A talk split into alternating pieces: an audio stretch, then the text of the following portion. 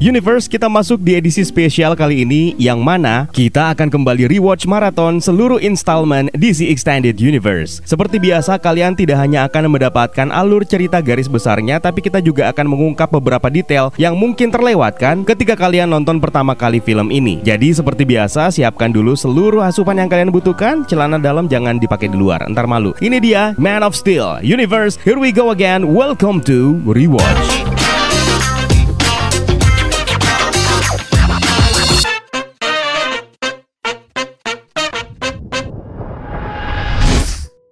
Film ini merupakan film pembuka DC Extended Universe yang tentu saja didasarkan pada sumber aslinya yaitu buku komik disutradarai oleh Zack Snyder dan dibintangi oleh Henry Cavill sebagai Clark Kent alias Kal-El alias Superman, Amy Adams sebagai Lois Lane, Michael Shannon sebagai General Zod dan ada penampilan khusus dari Kevin Costner sebagai Jonathan Kent atau ayah angkat dari Clark Kent. Juga ada Russell Crowe sebagai Jor-El. Karena ini adalah film aksi superhero maka akan sangat sayang sekali kalau kalian cuma tahu alur ceritanya doang dan nggak pernah nonton filmnya. Makanya kita kasih spoiler warning terlebih dahulu buat kalian yang belum pernah nonton film ini. Emang ada?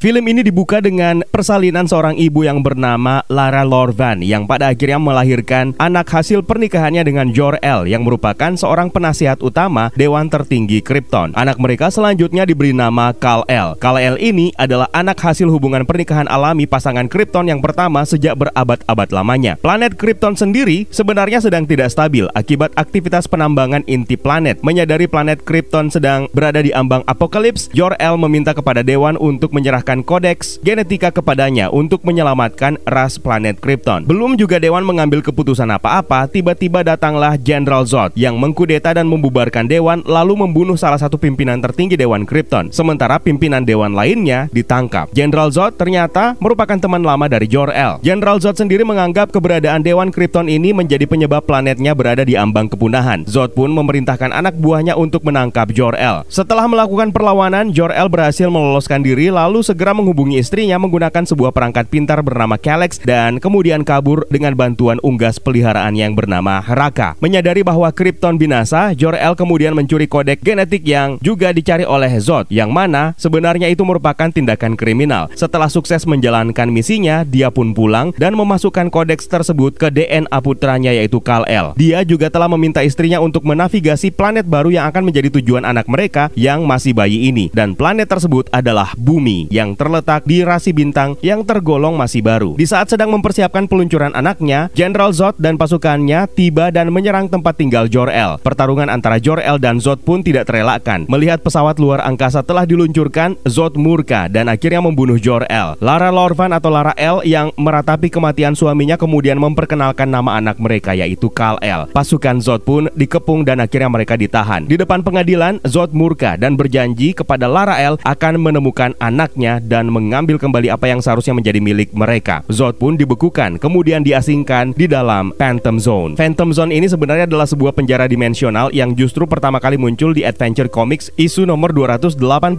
yang dirilis pada tahun 1961. Setelah itu, Lara L akhirnya melihat akhir dari planet Krypton yang hancur. Sementara pesawat luar angkasa yang ditumpangi oleh Clark Kent bayi akhirnya menembus atmosfer dan mendarat di bumi, tepatnya di Kansas. Puluhan tahun setelahnya di sebuah kapal, Clark Kent yang sudah dewasa melihat kebakaran hebat terjadi di sebuah kilang pengeboran minyak. Clark Kent tiba-tiba menghilang dari kapal tersebut dan dengan cepat dia tiba di kilang minyak itu untuk menyelamatkan orang-orang yang terjebak di sana. Tim rescue pun datang untuk mengevakuasi mereka. Beruntung ada Clark Kent yang berhasil menyelamatkan mereka dari reruntuhan konstruksi besi sehingga mereka pun selamat dan helikopter penyelamat berhasil lepas landas.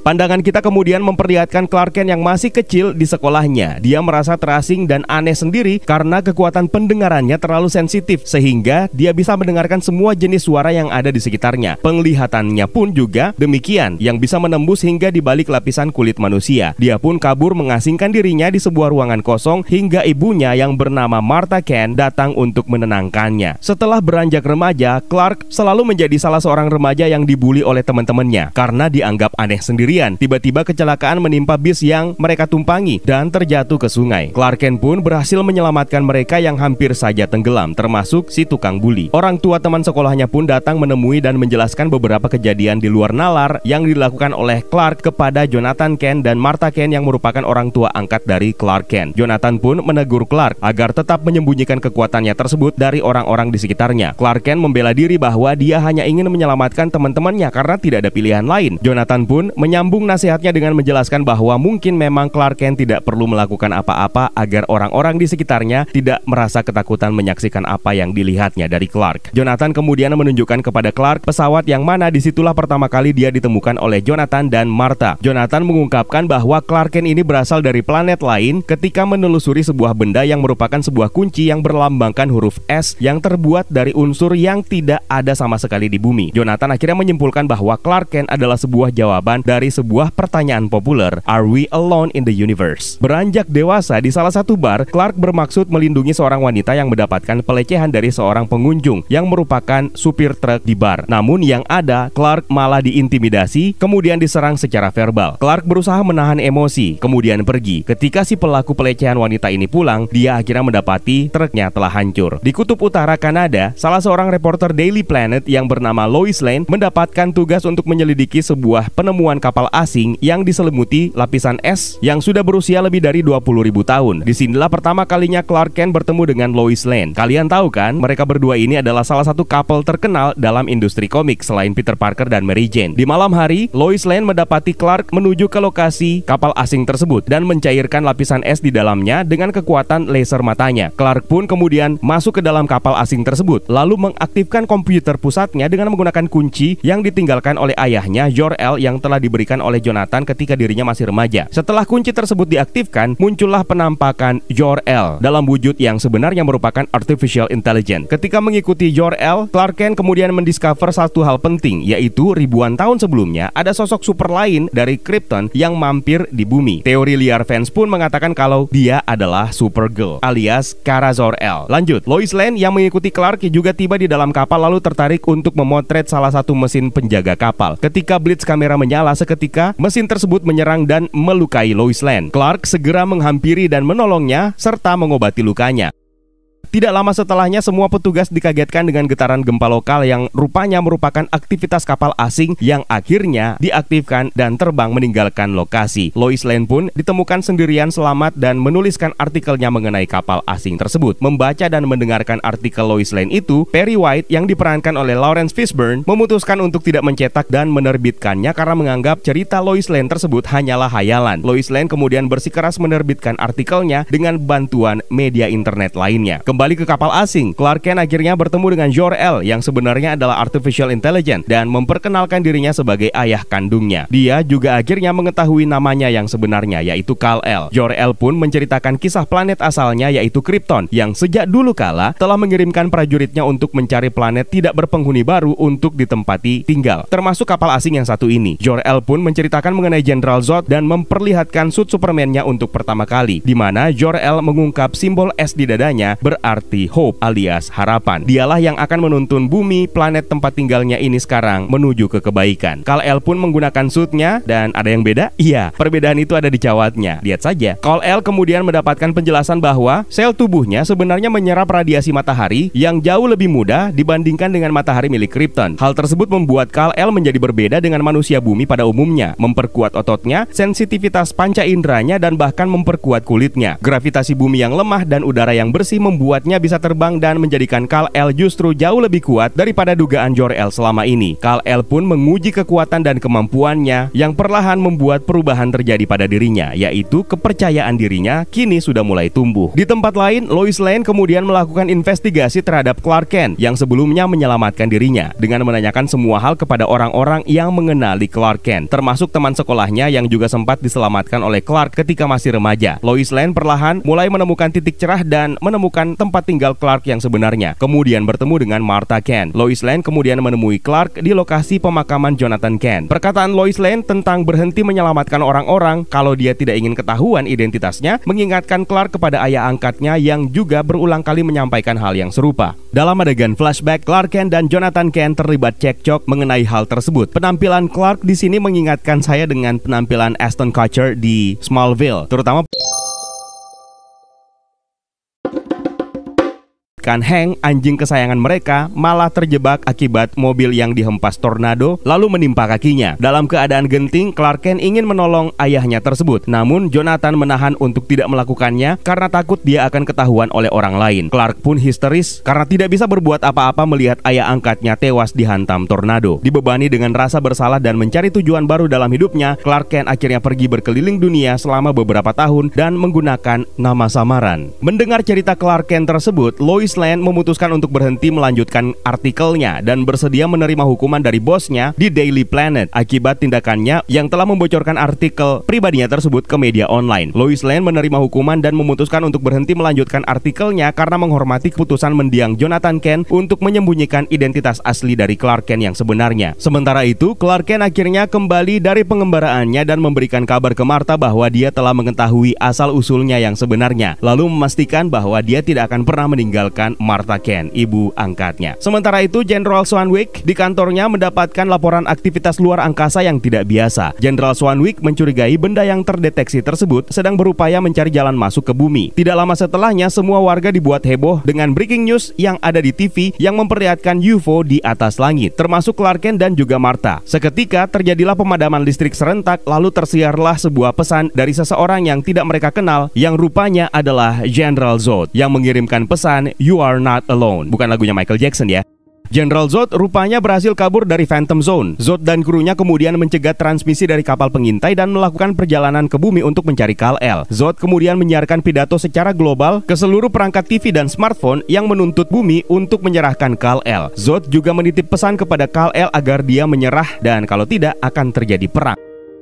Di kantornya, Perry White menelpon Lois Lane dan kali ini dia yakin bahwa Lois memang mengetahui tentang Kal-El ini. Namun, Lois Lane bersikeras menutup mulutnya rapat-rapat dan tidak mau membocorkan apa pun. Lois Lane yang berniat kabur akhirnya dicegat dan ditangkap oleh FBI setelah tersiar kabar di TV kalau Lois Lane adalah orang yang punya informasi mengenai orang yang dicari oleh General Zod. Setelah mendapatkan keyakinan penuh dari gereja, Clark Kent akhirnya memutuskan menyerahkan dirinya ke Angkatan Udara Amerika Serikat yang dipimpin oleh General Swanwick tanpa mengungkap mengungkap identitasnya yang sebenarnya, Kal-El kemudian dipertemukan dengan Lois Lane dalam satu ruangan. Lois kemudian mempertanyakan makna huruf S di suit Kal-El yang kemudian dijelaskan bahwa itu adalah simbol keluarganya di Krypton yang bermakna harapan. Lois Lane kemudian melontarkan gagasan tentang huruf S sebagai singkatan dari super yang kemudian disela oleh para petugas dari luar ruangan, Jenderal Swanwick dan Dr. Emil Hamilton. Sin percakapan antara Kal-El dan Jenderal Swanwick ini sebenarnya menyeratkan sebuah pesan rahasia dari sang sutradara mengenai mengenai identitas Jenderal Swanwick. Nanti kita akan bahas di bagian akhir. Kal-El kemudian dibawa untuk menemui perwakilan dari Zod, yaitu wakil komandan militernya yang bernama Vaora. Vaora ini kemudian menemui Jenderal Swanwick untuk meminta Lois ikut bersamanya dan Kal-El menemui Jenderal Zod. Di pesawatnya, Kal-El memberikan kunci esnya secara diam-diam kepada Lois, sementara Vaora sedang menyiapkan perangkatnya yang merupakan alat bantu pernafasan untuk Lois Lane selama berada dalam pesawat mereka. Akhirnya mereka tiba dan bertemulah Kal-El dan Zod untuk pertama kalinya. Di pesawat Zod tersebut, Kal-El tidak mampu beradaptasi dengan cepat dengan atmosfer di dalamnya karena sudah sangat terbiasa dengan ekologi bumi, sehingga membuatnya tidak sadarkan diri. Di alam bawah sadar Kal-El, Zod kemudian menjelaskan bagaimana Zod bisa lolos dari Phantom Zone yang merupakan akibat dari meledaknya planet Krypton. Mereka kemudian menggunakan hyperdrive Phantom Zone untuk mengubahnya menjadi pesawat milik mereka yang membawa mereka kembali ke planet yang telah hancur dan menemukan signal dari kapal asing kuno yang sebelumnya telah diaktifkan oleh Kal-El. Zod mengungkapkan bahwa dia memiliki beberapa perangkat terraforming yang mereka sebut dengan World Engine atau mesin dunia yang berhasil dia selamatkan dari Krypton yang juga bisa digunakan untuk mengubah bumi menjadi Krypton baru. Salah seorang bawahannya, Jax Ur, kemudian mengekstrak informasi dari Gen Clark untuk menciptakan koloni Krypton yang akan memusnahkan umat manusia dan membangun peradaban serta kehidupan Krypton yang baru di bumi. Zod kemudian mengirimkan dua pesawat kecilnya ke bumi yang kemudian dideteksi oleh Angkatan Udara Amerika Serikat. Di ruangan lain, Lois menemukan sebuah mesin lalu menggunakan kunci milik Kal-El untuk mengaktifkannya. Muncullah Jor-El yang kembali dalam wujud artificial intelligence. Jor-El artificial intelligence ini kemudian mengubah struktur atmosfer udara pesawat yang membuat Lois Lane bisa bernafas seperti biasa tanpa alat bantu. Lalu kemudian membantunya untuk meloloskan diri dan menitip pesan untuk menuntun Kal-El. Perubahan atmosfer tersebut juga ternyata mengembalikan kekuatan Kal-El yang sedang disekap. Kal-El lalu bertemu kembali dengan Jor-El yang memerintahkannya untuk menyelamatkan Lois Lane dan bumi. Zod kemudian mendatangi rumah Martha untuk mencari pesawat yang ditumpangi oleh Kal-El semasa bayi. Setelah menemukannya, kru Jenderal Zod tidak menemukan apa-apa, hingga membuat Zod menghancurkan rumah dan memaksa Martha untuk mengakui keberadaan kodeks yang mereka cari. Kal-El tepat waktu datang dan menghajar Zod yang telah menyakiti Martha Ken. Zod yang mengalami kerusakan alat bantu pernafasannya kemudian merasakan keanehan yang menyakitkan yang juga pernah dialami oleh Clark Kent semasa kecil. Pesawat Air Force One pun melontarkan serangannya kepada Vaura dan rekannya yang menyebabkan mereka marah dan menyerang balik mereka. Pertarungan pun tidak terhindarkan antara Kal-El dan Vaura dan rekannya yang bernama Namek. Pertarungan antara Kryptonian ini pun menyebabkan kerusakan hebat di mana-mana. Pasukan Angkatan Udara juga ikut terlibat. Ketika Kal-El terdesak oleh dua lawannya, dengan menggunakan helikopter, pasukan menembaki mereka semua yang rupanya sama sekali tidak mempan. Salah satu helikopter pun terjatuh setelah mendapatkan serangan balik, yang mana salah satu di antara mereka berhasil diselamatkan oleh Kal-El. Vaora menghabisi satu persatu para militer yang menyerbunya.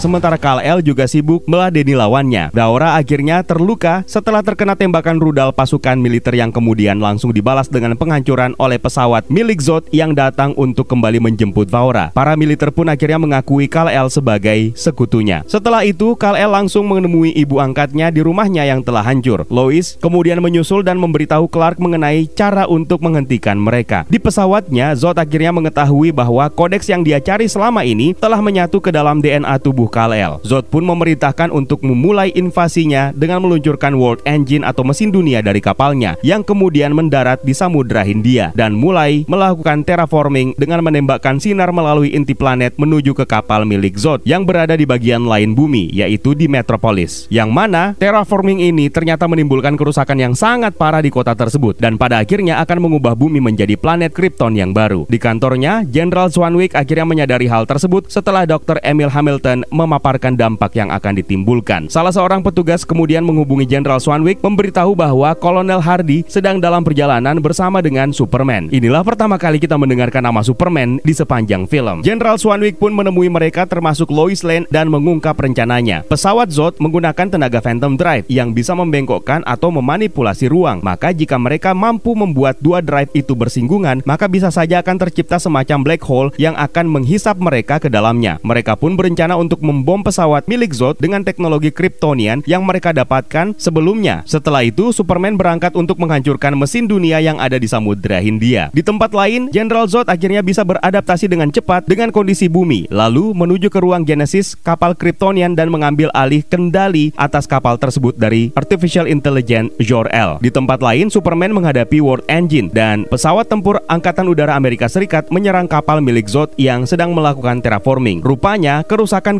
gravitasi bumi membuat rudal-rudal yang ditembakkan malah terjatuh ke bumi, tepat di tengah kerumunan warga sipil. Perry White yang menyaksikan dari gedung Daily Planet bergegas melakukan perintah evakuasi diri secepatnya. Di luar, Perry dan rekan Daily Planetnya malah terjebak dalam situasi di mana salah satu gedung pencakar langit terdekat roboh dan menimpa mereka. Beruntungnya, Superman berhasil dengan susah payah menghancurkan World Engine di Samudra Hindia dan menghentikan proses terraforming dan membuat gravitasi kembali normal. Pada saat akan menjatuhkan mesin Phantom Drive yang mereka gunakan, rupanya kunci milik Kal-El yang berada di tangan Lois Lane sudah tidak lagi bisa digunakan. Otoritasnya telah dicabut secara otomatis setelah Zod mengambil alih kendali kapal sebelumnya dan menghapus otoritas Jor-El yang ada dalam kunci tersebut. Dari arah belakang, rupanya Zod menyusul dan berniat untuk menjatuhkan pesawat angkatan udara yang membawa mesin tersebut. Dengan tepat waktu, Superman tiba dan menggagalkan rencana Zod. Superman kemudian menghancurkan kapal itu. Dr. Emil Hamilton kemudian berspekulasi memutar mesin yang macet dengan membuatnya terhindar dari sinar matahari. Rupanya berhasil, kuncinya pun masuk. Gaora tiba-tiba datang mengacaukan seisi kapal dan membuat Kolonel Hardy terdesak. Di saat bersamaan, Dr. Emil Hamilton akhirnya berhasil menekan kunci mesin dan membuat Lois Lane terlempar keluar dari pesawat. Sementara Kolonel Hardy memutuskan untuk melakukan aksi bunuh diri dengan menabrakkan pesawatnya ke kapal milik Zod dan membuatnya terhisap kembali ke Phantom Zone. Superman yang melihat Lois Lane terjatuh dengan sigap terbang untuk menolongnya.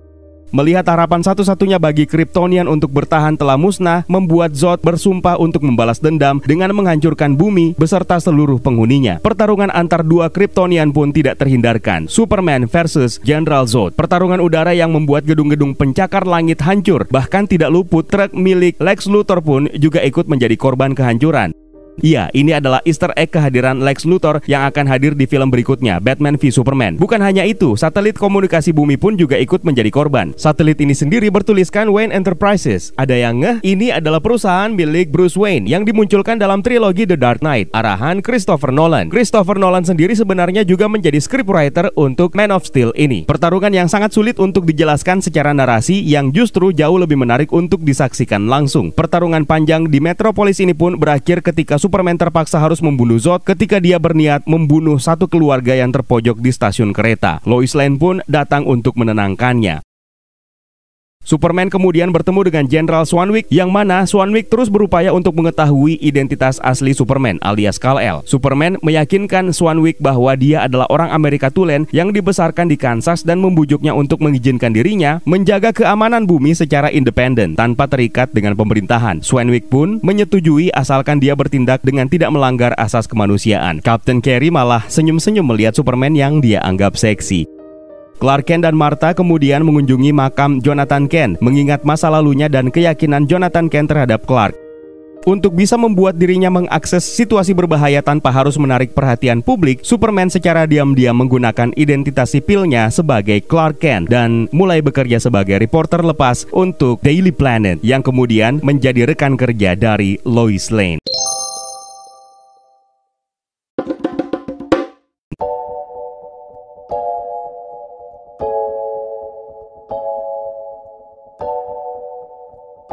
Oke, mau lanjut atau dibagi jadi dua part videonya biar AdSense-nya banyak?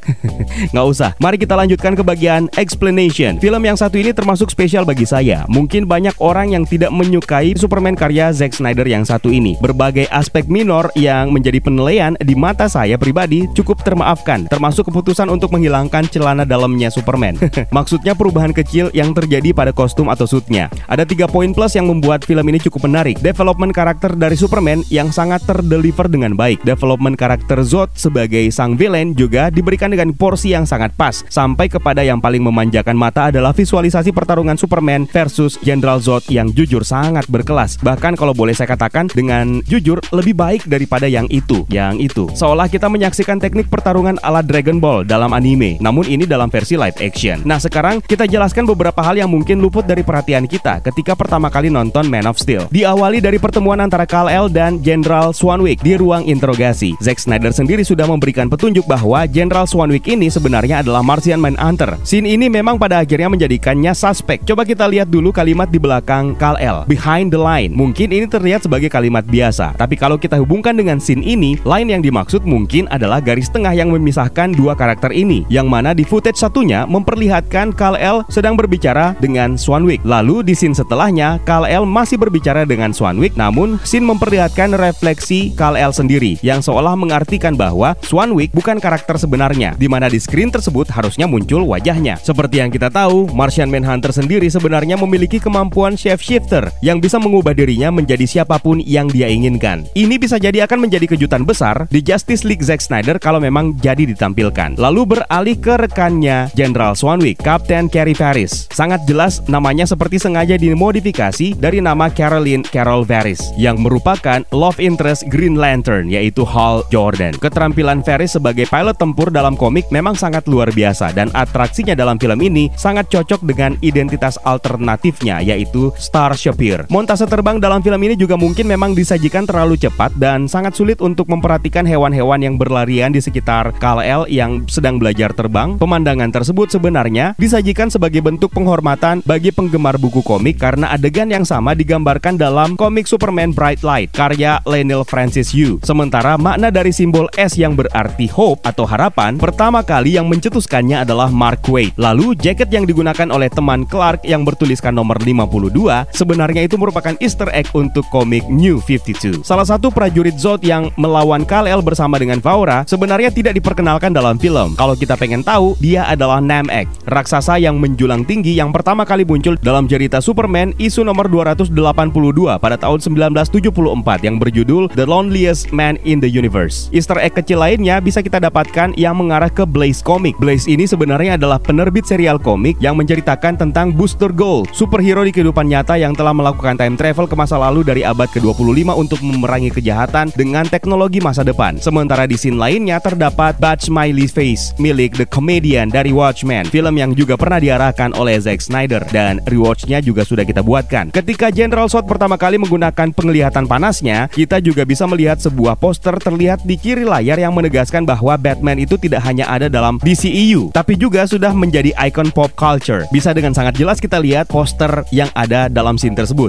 Nah, Universe itu dia beberapa detail kecil yang mungkin terlewatkan ketika kita menyaksikan pertama kali film perdana DC Extended Universe ini, Man of Steel. Kalau ada yang terlewatkan, jangan sungkan tambahkan. It's time for me to sign out. My name is Eka. Stay safe and until next time.